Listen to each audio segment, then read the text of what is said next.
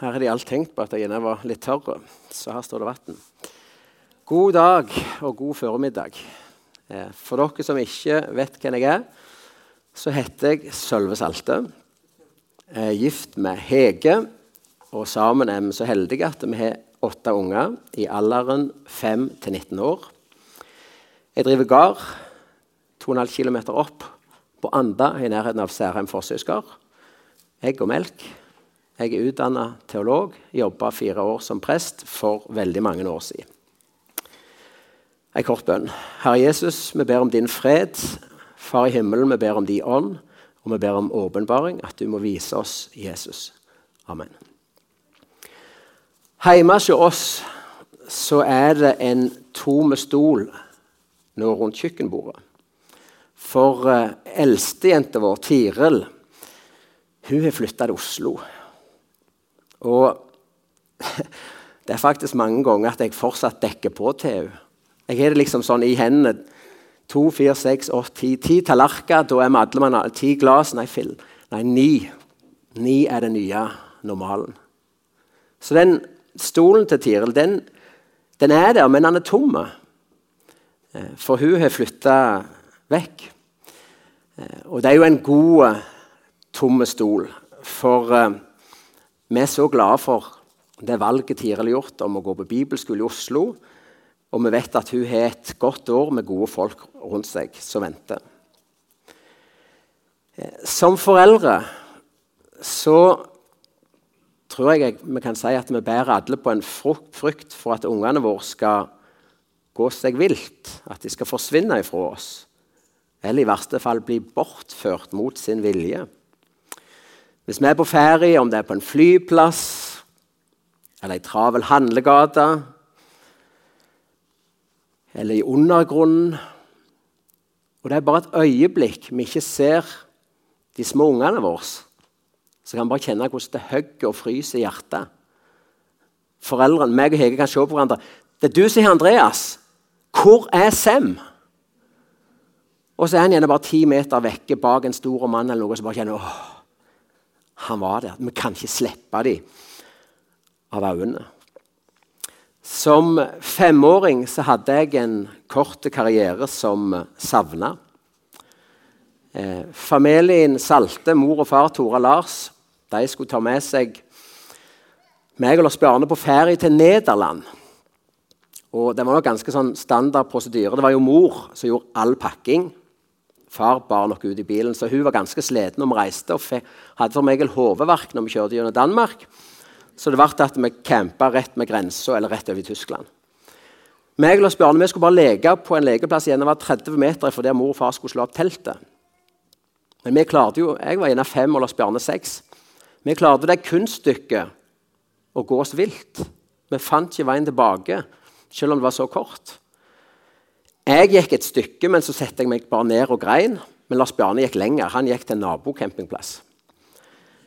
Kan du tenke mor og far hvor fortvila de er når de plutselig ser bort på lekeplassen? Rett på sida. De er ikke der. Mor var jo helt fortvila, far var fortvila.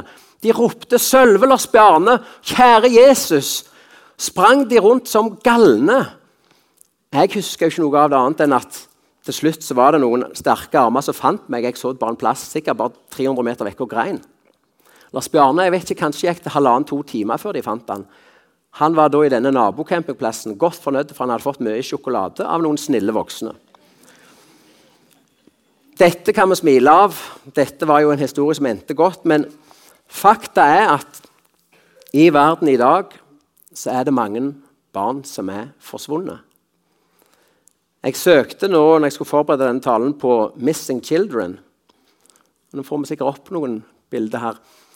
Det er ganske hjerteskjærende når de savna barna får et ansikt. Og Du forstår at det er ikke bare noen få, men det er faktisk mange. Det er sønner og døtre. Det er foreldre som lurer på hvor er ungen min. Har han det godt? Har han blitt tatt mot sin vilje. De folka han er med nå, er de gode mot han? Er de snille? Får jeg noen gang se ungen min igjen? Og vi som bare har mista ungene våre ti sekunder på en jernbanestasjon Jeg tror ikke vi kan forstå den fortvilelsen det er. Samme hvor mye du leter, hvor mye du roper, hvor mye du ber, så finner du gjerne ikke ungen din. Det, det må være et så enormt tap. For ja, nå skulle han vært sju. Nå skulle han begynt på skolen. Nå skulle han blitt konfirmert. Du sørger over det livet som du ikke fikk leve med ungen din. For det gikk tapt. Gud, han er en far med mange missing children. Gud er en far som har mange bortkomne barn. Og Bibelen sier at Gud er en fullkommen far. Og Bibelen sier også at Gud er alles far. Selv om ikke vi helt klart forstår det, så er Gud nært knytta til ethvert menneske som deres skaper og himmelske far. Vi tenker ja, men sju milliarder mennesker og alle som har levd altså Det blir så upersonlig. Vet du hva? For Gud så er det ingen som bare er et tall i rekka. Men ethvert menneske en person, et navn. Et unikt eksemplar skapt av Han, som Han har blåst sin livsånde inn i og gjort levende. Gud er nært og personlig knytta til ethvert menneskebarn på denne jorda. Ingen er ubetydelige for han. Vi kan av og til se på slektslighet som går på blodsbånd. Ja, han har nesen etter farmora, den litt spisse nesen. Og han har temperament etter farsen. Og han har det gode smilet etter mora. Og så ser vi det, og så er det utrolig fascinerende. Til og med sånn, Det var en som fortalte meg at til, han han så til og med på ultralyd at ungen lå med føttene i kross, sånn som farfaren pleide gjerne hvilte. Altså, Vi ser sånne ting, og så blir vi fascinerte. Og så kjenner vi på ja, det er mitt kjøtt, det er mitt blod. Vet du hva? Ikke en eneste en av oss hadde levd og pusta om ikke Gud holdt oss oppe. Om ikke Han hadde gitt oss livsånde. Og Bibelen sier at selv evigheten har lagt ned i ethvert menneske. Du er skapt i Guds bilde. Selv om ikke du tenker på Gud, så har han knytta seg nær til deg gjennom skapelse. Og han er din rette far. Og Derfor bærer Gud på en nød og en fortvilelse som vi ikke kan fatte når han ser at hans menneskebarn er på vei mot fortapelse. For Gud vet bedre enn noen at i denne verden som vi lever i, så er det en smal vei som leder til liv og frelse, og en bred vei som fører i fortapelse. Han vet at alle mennesker som er skapt og elsket av han, vil ende sitt liv med å følge en av disse veiene. Han vet bedre enn noen hvilke farer som truer i verden. Hvor lett vi har sjøl for å rolse oss vekk. Og så har han denne omsorgen og denne kjærligheten for oss. Ja, 1. Timoteus 2,4 sier han som vil at alle mennesker skal bli frelst og lære sanning å kjenne. Det vil Gud for alle menneskebarn. At de skal bli frelst. At de skal lære sannheten å kjenne. At de skal lære Han å kjenne. Til alle tider er det våre teologer og såkalte eksperter på Gud som har hevder at Gud ikke bryr seg like mye om alle mennesker. En har stilt opp ulike grupper av såkalt håpløse tilfeller. Mennesker som er etter disse kategoriene så skitne, urettferdige, kriminelle, uverdige osv. at Gud rett og slett ikke elsker dem, og at de er utenfor rekkevidden av Guds omsorg. Sånn var det òg når Jesus gikk rundt i Judea og Galilea. Fariseerne og de skriftlærde de kritiserte Jesus enormt mye fordi han var med feil folk. Fordi han satte seg ned i hus og heim og hadde måltid med den tids verstinger. Tollere, syndere, ja, til og med med horer. Hvordan kunne Jesus gjøre dette? Hvordan kunne han ha fellesskap med dem? Hvordan kunne han være med dem? Og For å svare på denne kritikken, og for å svare på spørsmålet hva venter en synder som vil vende om til Gud, så fortalte Jesus tre lignelser i Lukas kapittel 15. Om sølvmynten, om sauen og om den bortkomne såen. Og Det bildet Jesus der tegner av Gud, det er at Gud er like nidkjær og ivrig som denne gjeteren som forlater de 99 og går og leter og leter til dess han finner sauen som var bortkommen. Og Så bærer han den hjem, og så er det fest i himmelen og glede over en synder som ville vende om. Og Gud er like flittig som denne kona som koster og feier i hver krinkel og krok i huset for å finne sølvmynten. Og så avslutter Jesus denne treserielignelsen med fortellingen om den bortkomne sønnen. Og Den skal vi nå lese sammen fra Lukas 15, vers 9 og videre. Jesus sa, en mann hadde to sønner. Den yngste sa til far sin, 'Far, la meg få den delen av formuen som faller på meg.' Så skifta han eiendommen sin mellom dem. Ikke mange dager etter solgte den yngste sønnen alt det han eide, og drog til et land langt borte.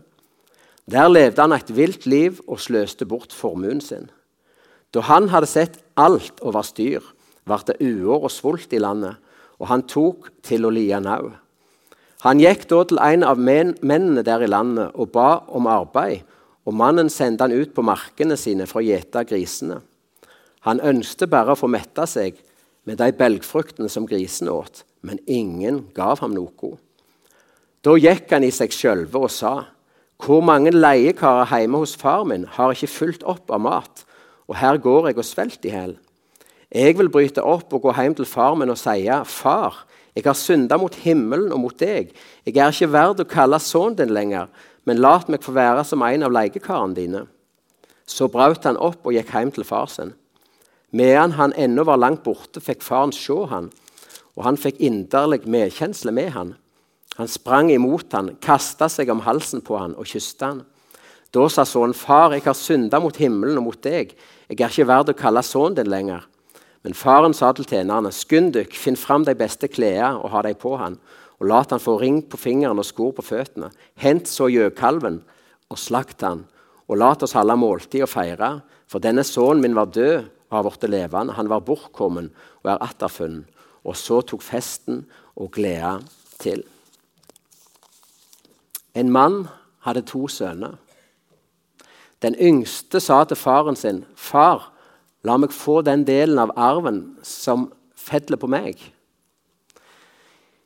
I vår kultur og vår tid er det kanskje vanskelig å forstå hva denne sønnen dypest sett ber om og sier. En som hvis jeg husker riktig, levde i India, spurte ut på landsbygda der i små landsbyer hva er det denne sønnen gjør. Har dere noen gang vært borti noe lignende? De rista bare på hodet. Denne sønnen er uforskamma, sa de. For det han ber om, og sier til far sin, 'Far, jeg vil leve som om du er død.' 'Jeg vil ikke vente til du dør, men gi meg arven nå.' 'La meg få det jeg skal få den dagen du dør, nå.' Det er respektløst. Sønnen ber om å få leve et liv som om faren allerede var død, med fars midler. Og Det utrolige er den lignelsen som Jesus forteller at faren oppfyller ønsket til sønnen. Han skifter arv imellom dem. Så står det at ikke mange dager seinere solgte den yngste sønnen alt. Han omsetter jord og kjelve og fast eiendom til klingende mynt. Så mye brydde han seg om farsarven. Han skulle ha det i mynt, og han skulle vekk. Bare dette lærer oss en liten ting om Gud. Han lar oss mennesker få lov til å velge han vekk. Du kan leve, jeg kan leve et liv som om Gud ikke fantes.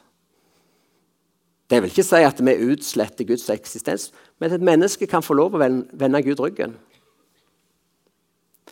Sjøl så gjorde jeg det når jeg var 12-13 år gammel. Jeg vokste opp i ei lita bygd, Orre, eller Podlest, som vi gjerne sier her. Eh, mor min, mor mi, Tora, hun var søndagsskolelærer, og hun er det fortsatt. Så jeg kan stande over 50 år i den. Far han var formann på Yngres. Er det fortsatt. Jeg var så lei av å være sølve sønnen til Tora Lars, søndagsskolelæreren og yngresformann. Det var som om alle trodde de visste alt om meg. Ja, ja, men det er Sølve, han. Ja, han er sånn og sånn, for han er jo sønnen til Tora Lars. Jeg kjente en sånn trass i meg idet jeg var i ferd med å bli ungdom. Og mitt opprør imot mor og far det ble også et opprør mot Gud. Mor og far hadde sagt til meg 'Sølve, du må ikke drikke'. Det var en ganske sånn utbredt drikkekultur blant ung ungdom på Orre. Da tenkte jeg da er det akkurat det jeg skal gjøre. Jeg skal drikke. Så jeg fikk meg en kasse med øl og ble med på en fest i Salteskogen. Jeg kom ikke hjem den kvelden. Jeg sovna i et drikkekar for hester. Et sånt badekar som var et drikkekar for hester. Far og storebror min Lars Bjarne de reiste rundt langs riksvei og veier og lette etter meg. Og Til slutt så ble jeg ledd hjem av noen kamerater som kom tilbake til skogen og fant meg. Når jeg kom hjem, så var det ikke noe gjøkalv som var slakta, men da sa mor 'puss' på meg. Så det var pustetest, og så var det rett på rommet. Og Dagen etterpå så skulle storebror konfirmere seg. Så det var jo litt av en oppkjøring. Men for min del så ble denne trassen imot mor og far det ble et opprør mot Gud, der jeg ville leve som om han ikke fantes. Jeg tenkte at det er det beste livet. Mer frihet og mindre sånn tette rammer for søndagsskole og, og yngres. Sønnen i, i, lignelsen til Jesus han kommer til det som blir kalt for landet langt vekke. Vi kan tenke at det var langt vekke fra farshuset, langt vekke fra Gud. Han levde akkurat som han ville. Pengene sådd løst, vennene kom fort. Men både penger og venner forsvant også ganske fort. Til slutt så befinner denne sønnen seg helt alene i et fremmed land. Og der egentlig ingen kan og vil hjelpe han. Han kom i nød. Til slutt så får han seg en avløserjobb. Passe griser. Her på Jæren så forbinder vi gjerne griselukt med velstand. Med gode søndagsmiddager og julemiddag. vet du hva? For en jødisk ung mann så var det til å bli en grisepasser. Det var så lågt du kunne synke. De Jesus fortalte historien til, de forsto at han er aleine i verden. Det er ingen som bryr seg om han. Griser var ureine dyr for jødene. De skulle ikke ete dem, og de skulle helt sikkert ikke ha noe med dem å gjøre. Men han er så fornedra at han må dele matfat med griser. Han eter belgene som grisene åt. Men en fordel med gardsarbeid og å arbeide med dyr, det er at du får ganske god tid til å tenke. Og I en annen oversettelse står det at da kom gutten til seg sjøl. Aleine med bare griser rundt seg så begynte han å tenke på hva han hadde hatt her der hjemme. Han begynte å tenke på faren. Og Noe av opprøret og trassen og frihetsbehov det må ha ebba vekk. For han erkjente at faren var full av godhet. Han begynte å tenke på at selv tjenerne hjemme hos far har overflod med mat. Jeg er synda imot far. Jeg er synda imot himmelen. Men Han vågte ikke håpe på at han skulle få lov å komme hjem og være som en sønn igjen. Men jeg vil gå hjem til far og bekjenne min synd og spørre kan jeg få være leiekar. Kan jeg få være en av tjenerne dine? Dette starta i, i, sinnet hans, i tankene hans. Og Det er jo der en, en omvendelse starter hos et menneske. Når et menneske begynner å tenke over Gud og hans godhet, så er det som et frø blir sådd i et menneskehjerte. Kan det være håp for meg? Kan jeg få lov å komme med livet mitt, synda mi, til Gud, og det likevel være håp? Og Det som starta i tankene og ble et frø i hjertet, det planta seg ned til føttene. Han reiste seg. Og så begynte han på den lange veien hjem. Bare en liten timeout. Altså, Gud, sånn vi møter han i Bibelen, han er hellig. Det er en strenghet over Gud. Gud tåler ikke synd. Men det er ingen mennesker som vil søke Gud hvis de bare ser og forstår Guds hellighet.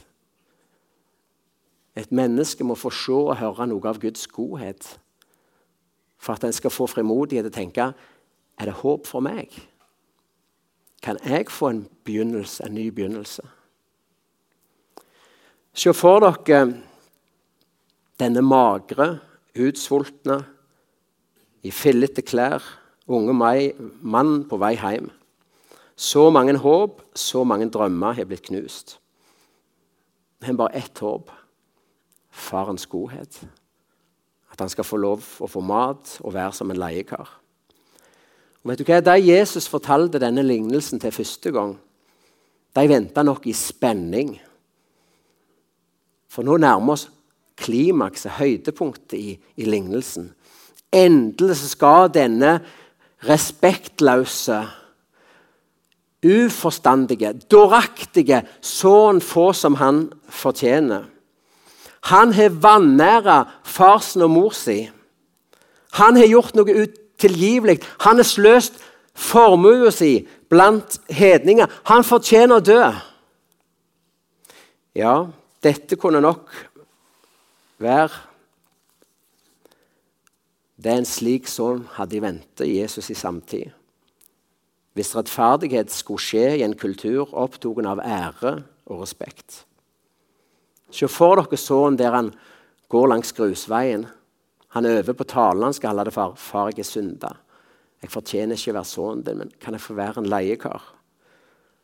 Han begynner å nærme seg landsbyen der faren sitt hus ligger. Han kan se landsbyen nå i det fjerne. Hva vil møte han der? Er det mobben som først ser han og svermer rundt han? Kanskje han begynner å høre på disse stemmene i bakhovet. At du våger å vise deg her etter alle disse åra. Alt det du har gjort. All den sorg du har gitt far den. Forbanna er den dagen du ble født. Du fortjener å dø. Moseloven sier at sånne som deg skal steines. Var det sånne stemmer? Ja, Da kunne steinene begynne å fyke. Hva venter meg? Kanskje kunne han tenke noe sånt som dette. For faren Og her blir tempoet i lignelsen satt ned. Vi er i ferd med å få klimakset her. Faren kunne med rette straffet han, avvist han. Men så sier Jesus, mens han ennå var langt vekke, fikk faren se han og fikk inderlig medfølelse med ham. Faren sto, og vi kan tenke oss han hadde stått siden den dagen sønnen forsvant, og sett langs den veien som ledet inn til landsbyen. Den veien han forsvant langs, i håp om at den dagen skulle komme hvor jeg ser han komme tilbake igjen til meg. Og Den medynken i hjertet til faren det er ikke bare hjertet til faren som begynner å slå raskere når han ser denne sønnen som har mista alt. Ja, som var i ferd med å miste seg sjøl. Men det skjer noe med føttene til faren.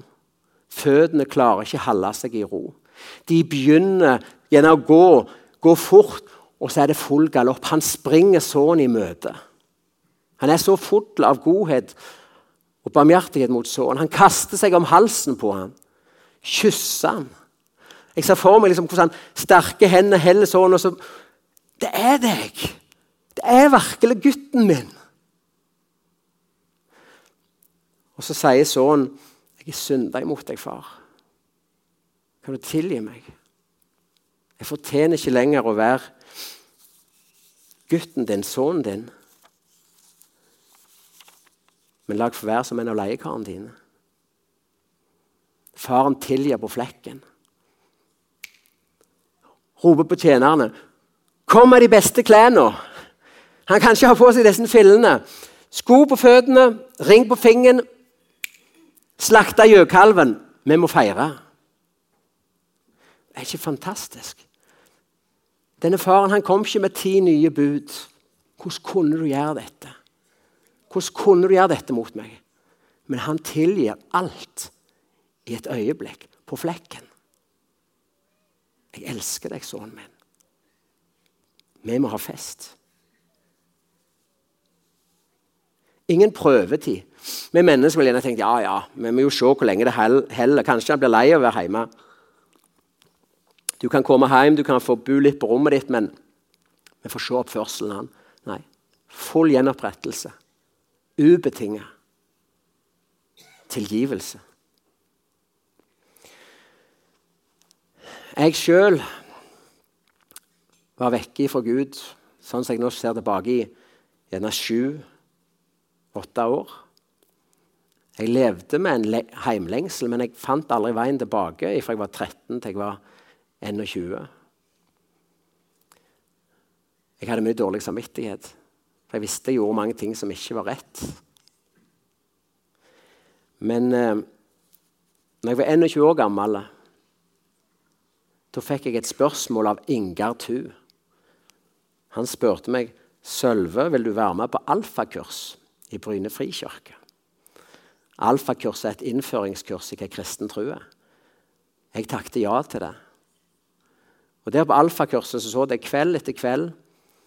Og fikk høre, Jeg hadde nok hørt det før, men det ble nytt å leve den for meg. Jeg fikk høre sannheter fra Bibelen. Jeg forsto at Jesus elska meg. At han hadde lengta etter at jeg skulle komme tilbake. At han ville tilgi meg. Ikke for å liksom Uff, Sølve, håpløst. Nei, han ville tilgi meg. Og så ønsket han å leve et liv sammen med meg. Jeg fikk en helt ny begynnelse med Jesus der. Fordi Ingar Thu stilte meg et enkelt spørsmål. 'Sølve, vil du være med på Alfa?' Jeg snakket med Ingar nå tidligere i uka. Det er litt morsomt. Han huska ikke engang han hadde spurt meg. Men det forandra livet mitt. Og Så sa han ja, det var jo livsforvandlende med de alfakursene. Selv hadde han vært med som, gått på ett og vært med som leder på seks andre. Det var livsforvandlende.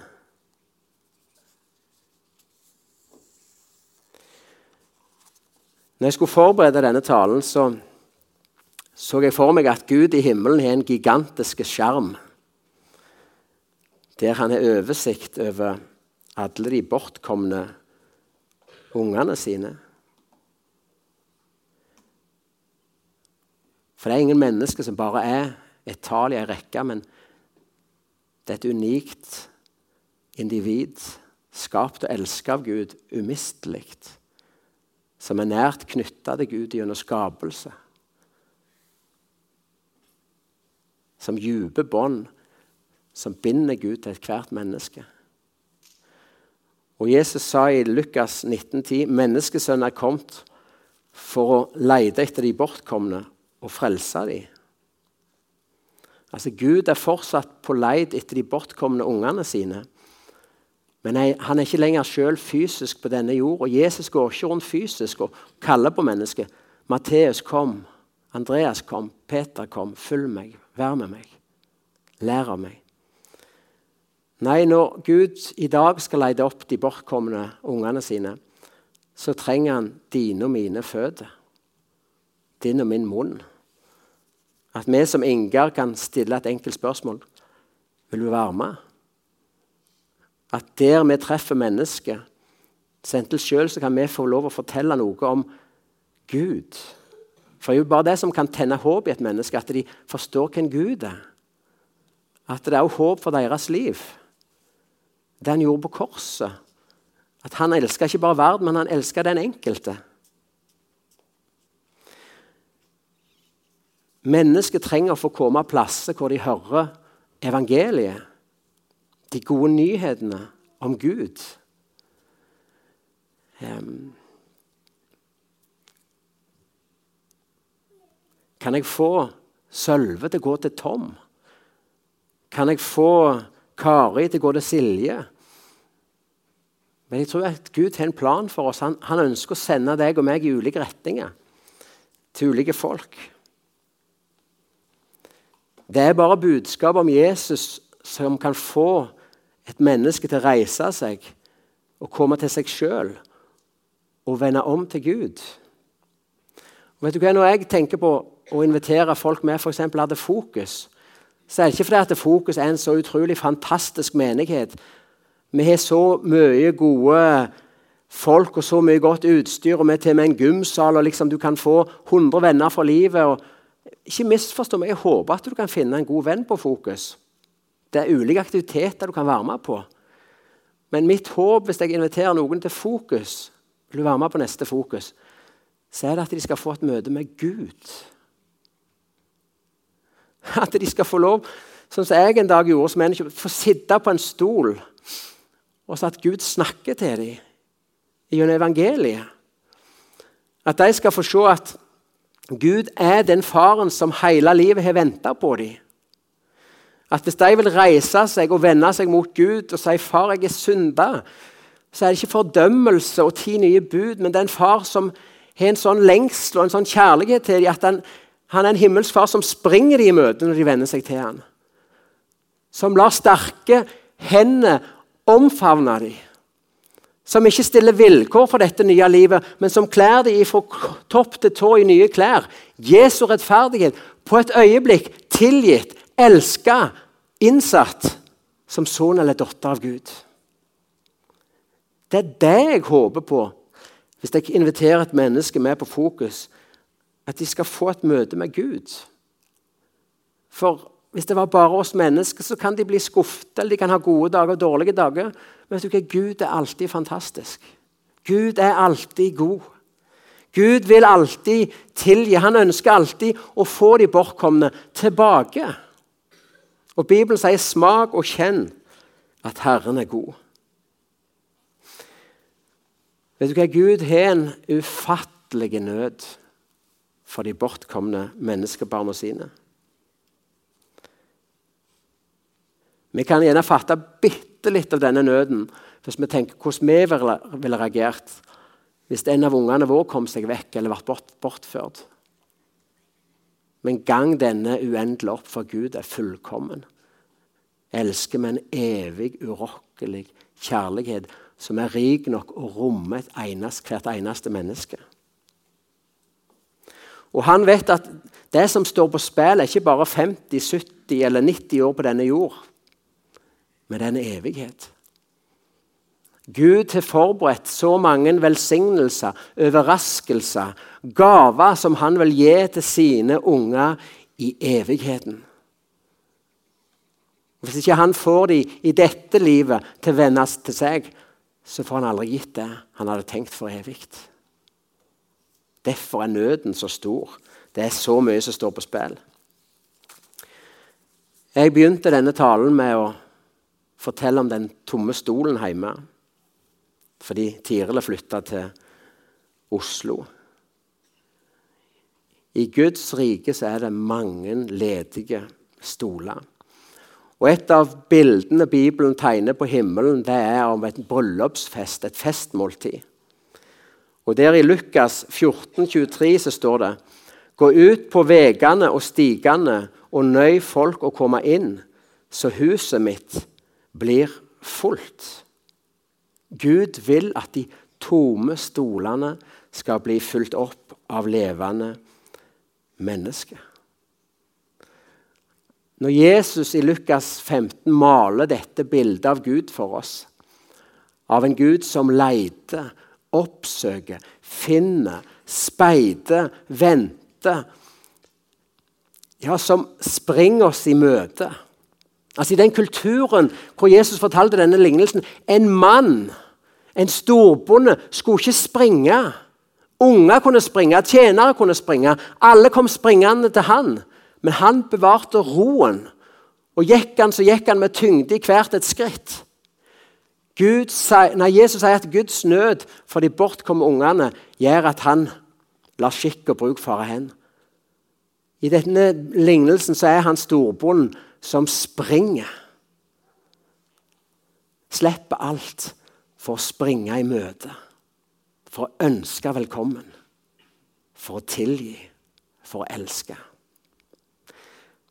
Når jeg ser litt av det bildet som Jesus tegner av Gud, og vet at jeg sjøl har fått erfare det i mitt liv, at han har tatt meg tilbake, så blir jeg fulgt med takknemlighet.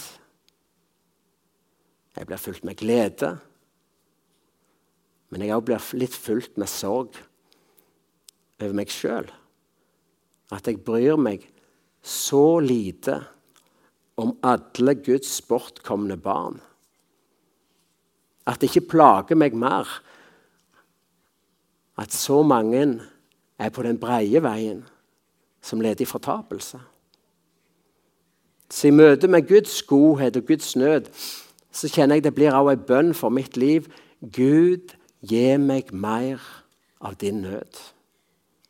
Måtte jeg som Ingar få lov å stille noen enkle spørsmål til mennesket.